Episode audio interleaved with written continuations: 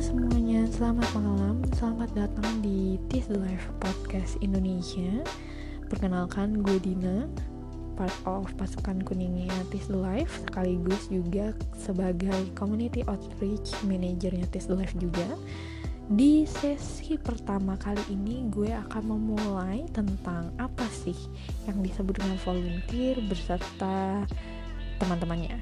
So stay tune dan jangan ke mana-mana okay, so uh, gue udah banyak riset juga soal volunteer dan relawan in Indonesia. So gue akan ngebahas satu persatu. Jadi di sini ada empat tipe bahasan kita dari mulai pengertian, kemudian tipe dan jenis volunteer seperti apa dan terakhir manfaat. Kita mulai dari yang pengertian dulu. Oke. Okay, So, menurut Cambridge Dictionary, volunteer is a person who does something, especially helping other, willingly and without being forced or paid to do it. Gitu.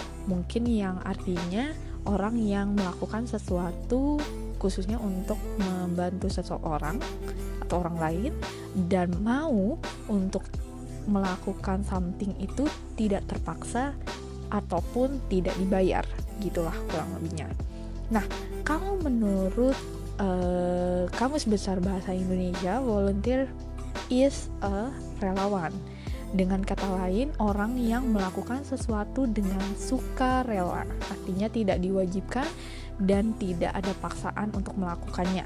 Gitulah kurang lebih. So, untuk volunteer versi bahasa Indonesia-nya relawan ya. Udah jelas berarti. Oke, kita masuk ke topik selanjutnya yakni topik kedua kita tipe volunteer di Indonesia. Nah, buat teman-teman sobat volunteer sendiri pasti pernah melakukan dua hal ini. Gitu. Yang pertama adalah online volunteer atau biasanya juga disebut digital volunteer atau e-volunteer. Yang satu lagi adalah offline volunteer atau juga biasa disebut will volunteer. Apa bedanya? Kalau will volunteer atau offline volunteer adalah kontribusi yang diminta itu secara nyata, alias datang ke lapangan langsung ke tempat bencana misalnya atau ke tempat yang memang seseorang itu membutuhkan bantuan gitu. Tapi kalau untuk online volunteer, kemudian digital, digital volunteer dan e-volunteer ini biasanya uh, kegiatan volunteer yang dilakukan selama pandemi ini kita sering melihatnya di timeline sosmed kita dan bersifatnya ya kampanye kemudian juga bersifatnya hal-hal yang uh, berkaitan dengan kreatif sosmed website dan segala macam gitu. Selanjutnya kita akan ngebahas soal jenis-jenis volunteer Nah, dari sumber-sumber yang memang gue baca itu banyak banget macamnya kayak ada yang empat, ada yang lima, ada yang enam. Buat sobat volunteer sekalian, gue akan coba untuk cocokin mana yang kira-kira related untuk uh, sesuai dengan di Indonesia gitu. Kira-kira mana aja yang memang kurang lebihnya di Indonesia itu dilaksanain mostly gitu. Dimulai yang pertama ada community volunteer atau biasa juga disebut group volunteer or organization volunteer kemudian ada education volunteer kemudian ada conservation volunteer lanjutnya ada humanity volunteer dan yang terakhir ada event volunteer kita akan bahas satu persatu yang pertama adalah community volunteer. Apa sih community volunteer itu? Suatu kesatuan unit di mana lembaga atau organisasi ini membuka lowongan untuk mencapai tujuan bersama. Nah, dia membuka lowongan para untuk volunteer-volunteernya ini bisa berkontribusi dan mencapai tujuannya secara bersama-sama. Satu, mungkin dia dapat tenaga tambahan dan dari sisi volunteernya sendiri dapat gain experience yang dia belum pernah uh, apa namanya dilakukan atau belum pernah terbayangkan secara seumur hidup dia nggak pernah nih melakukan hal seperti ini. Lebih ke arah program magang yang nggak dibayar sih ya. Mungkin kayak contohnya kamu pengen uh, punya pengalaman di HR tapi bingung nih mau mulai dari mana ternyata ada organisasi ini ngebuka uh, divisi HR dan kamu masuk di dalamnya mungkin organisasi ini bergeraknya di bidang lingkungan dan kamu juga concern terhadap lingkungan juga. Nah uh, si organisasi ini terbantu atas kehadiran kamu sebagai volunteernya untuk menyokong kegiatan mereka dan kamunya sendiri juga uh, apa namanya terbantu oleh pengalaman yang kamu dapatkan selama kamu menjadi volunteer di sana. Gitu. Selanjutnya adalah education volunteer atau relawan edukasi ini sangat relate sekali di Indonesia tentang mengajar dan e, biasanya berhubungan dengan para anak-anak dan guru terutama untuk di pandemi seperti ini. Biasanya banyak banget volunteer yang terjun langsung untuk e, mengkondisikan situasi belajar mengajar secara online untuk ngurusin internetnya mungkin atau problem solving di Zoom atau sebagai sebagainya. Nah, biasanya contoh program yang biasa kita kenal itu Indonesia Mengajar. Kemudian ada Y YAIDS atau YAIDS dan masih banyak sih. Lalu ada conservation volunteer atau environmental volunteer. Nah, ini biasanya volunteer-volunteer ini isunya tentang lingkungan membalakan hutang liar, kemudian pelindungan satwa dan tumbuhan dan sebagainya ya. Untuk mostly memang di lingkungan gitu. Contoh program yang biasa kita kenal adalah WWF. Dan masih ada ada banyak sih untuk di lingkungan nih banyak banget kayak hutan itu Indonesia, kemudian pro fauna Indonesia dan segala macamnya masih banyak. Next ada humanity relawan. oh, sorry, humanity volunteer atau relawan humanis. Nah, kebalik tuh. Nah, di sini untuk uh, humanity volunteer ini biasanya lebih ke arah aksi kemanusiaan atau biasanya juga disebut dengan sosial uh, volunteer. Mungkin semua uh, volunteer-volunteer memang ada aksi kemanusiaannya ya tapi di sini yang menjadi highlight adalah saat-saat tertentu kayak misalnya penyelamatan pengungsi, kemudian uh, relawan COVID selama pandemi ini, kemudian juga korban bencana alam, penyakit menular dan sebagainya gitu. Nah, uh, untuk contoh programnya mungkin kalau di Indonesia relatednya PMI. Jadi PMI itu setiap tahunnya dia akan uh, nge-hiring untuk volunteer-volunteer yang memang suka donor darah dan darahnya memang uh, didistribusikan untuk eh, pasien-pasien yang memang membutuhkan. Last but not least ada relawan acara atau event volunteer. Nah, event volunteer ini paling sangat digandungi para para milenial.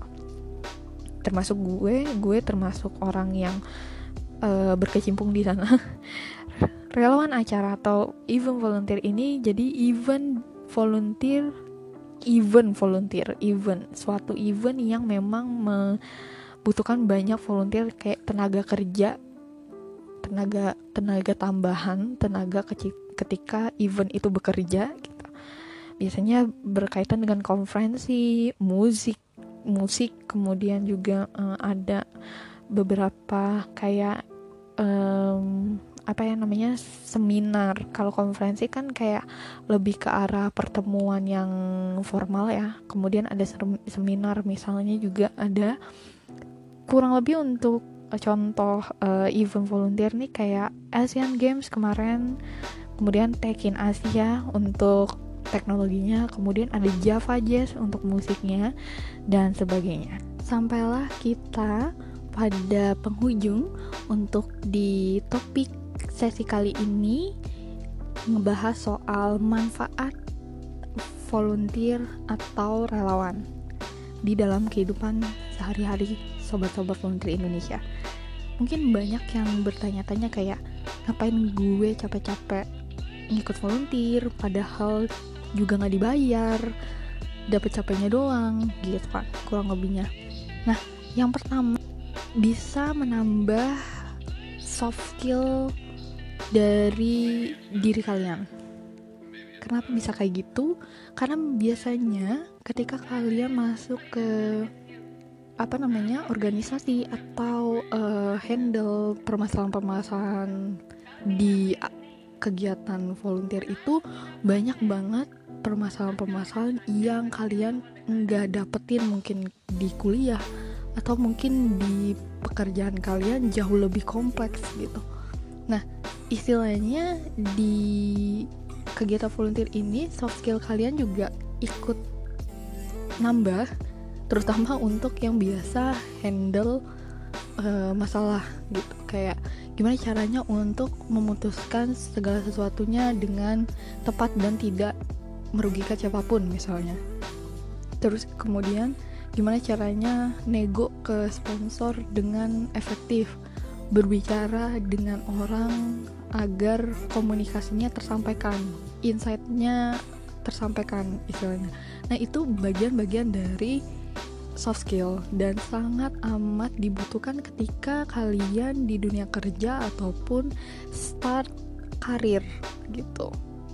Selanjutnya, menambah relasi atau koneksi. Nah, ini penting banget sih. Kenapa? Karena bisa jadi eh, dari semua teman-teman volunteer kalian ternyata ada yang punya startup. Terus kalian ternyata pingin kerja di startup itu misalnya Nah, itu bisa banget tuh terjadi di uh, dunia volunteer karena biasanya kita tuh sekali kerja jadi volunteer itu kan pasti kan dibuat satu grup ya. Nah, di mana satu grup itu nggak dibubar-buarin gitu. Dan kalau misalnya ada apa-apa, ada lowongan, kita share lowongan atau share project atau share uh, misal kita need someone untuk handle ini. Dan itu biasanya dari referral yang di grup volunteer itu aja gitu. Jauh lebih um, kalian jauh lebih dipercaya karena sudah punya nilai plus nih yakni kerja bareng di event volunteer itu. Selanjutnya kalian jauh lebih sehat secara mental. Nah ini yang penting banget sih. Sehat mental di sini dalam artian lebih bisa mengkomunikasikan perasaannya secara efektif dan lebih sehat kemudian juga mengontrol emosinya dengan baik. Dan uh, untuk para volunteer ini rata-rata memang berempati ya. Jadi memang jadinya uh, sebelum melakukan sesuatu mereka akan menempatkan kaki kaki kakinya mereka di sepatu orang lain gitu. Nah untuk gue sendiri mungkin pengalamannya gue jauh lebih uh, apa ya open sih terhadap sebuah masalah. Mungkin yang tadinya yang kayak gue harus begini secara cepat terus ternyata uh, apa namanya tidak efektif. Nah mungkin selama gue jadi volunteer itu jauh lebih menyikapi segala sesuatu. Konflik itu dengan kepala dingin kayak yang dipikir dulu di dicermatin dulu baru yang kayak oh oke okay, uh, eh, cari solusinya begini begini begini. Jauh lebih kayak apa ya lebih wise aja sih orangnya gitu. Kalau yang berefek ke gue sih. Dan apa ya namanya sometimes juga karena memang mostly gue sendiri banyak kan terjun di event uh, volunteer. Jadi mostly juga handle masalah-masalah yang berkaitan dengan manajemen apa namanya manajemen acara, vendor, artisnya, manajer artisnya dan segala macam. Nah, buat orang-orang yang emang uh, apa namanya volunteer di sana, mostly teman-teman gue dan gue tuh ya biasanya kalau di apa namanya ngetrit ngetrit mereka ya dengan sebaik-baiknya gitu. Dan di kita pun kayak yang oh uh, banyak banyak pelajaran yang memang kita ambil dari sana. Dari sana juga kayak kita juga ngeril kap kita juga kayak tahu kapan ngomong orang ini harus tegas gitu kapan ngomong dengan lemah lembut gitulah istilahnya. Istilahnya tahu cara kita berkomunikasi secara efektif sih gitu. Dan itu berefek juga sama mental kita juga gitu. Ternyata uh, apa namanya harus begini karena kalau misalnya nggak uh, dikerasin gue nggak bakal dapet nih insightnya. Maksudnya si lawan bicara gue nggak nggak bakal dapet nih apa yang mau gue omongin misalnya kayak gitu. Nah kayak gitu sih kurang lebih kalau di contoh di gue sendiri. So far mungkin itu aja untuk sesi kita kali ini dan uh, minggu depan gue akan coba untuk kasih info-info yang jauh lebih interaktif, jauh lebih menarik lagi seputar uh, volunteer dan uh, mungkin akan coba untuk disonding ke teman-teman juga. Siapa nih yang mau gantian ngomong? Jadi uh, boleh untuk kirim kritik dan sarannya ke instagramnya tis the life at tis the life dan yang logonya kuning kayak podcast kita dan di situ kalian boleh untuk bebas untuk kasih saran atau kasih topik-topik yang uh, kalian pengen bahas di podcast dan tim pasukan kuning sendiri. So good night, selamat beristirahat semua. Sampai ketemu minggu depan. Bye bye.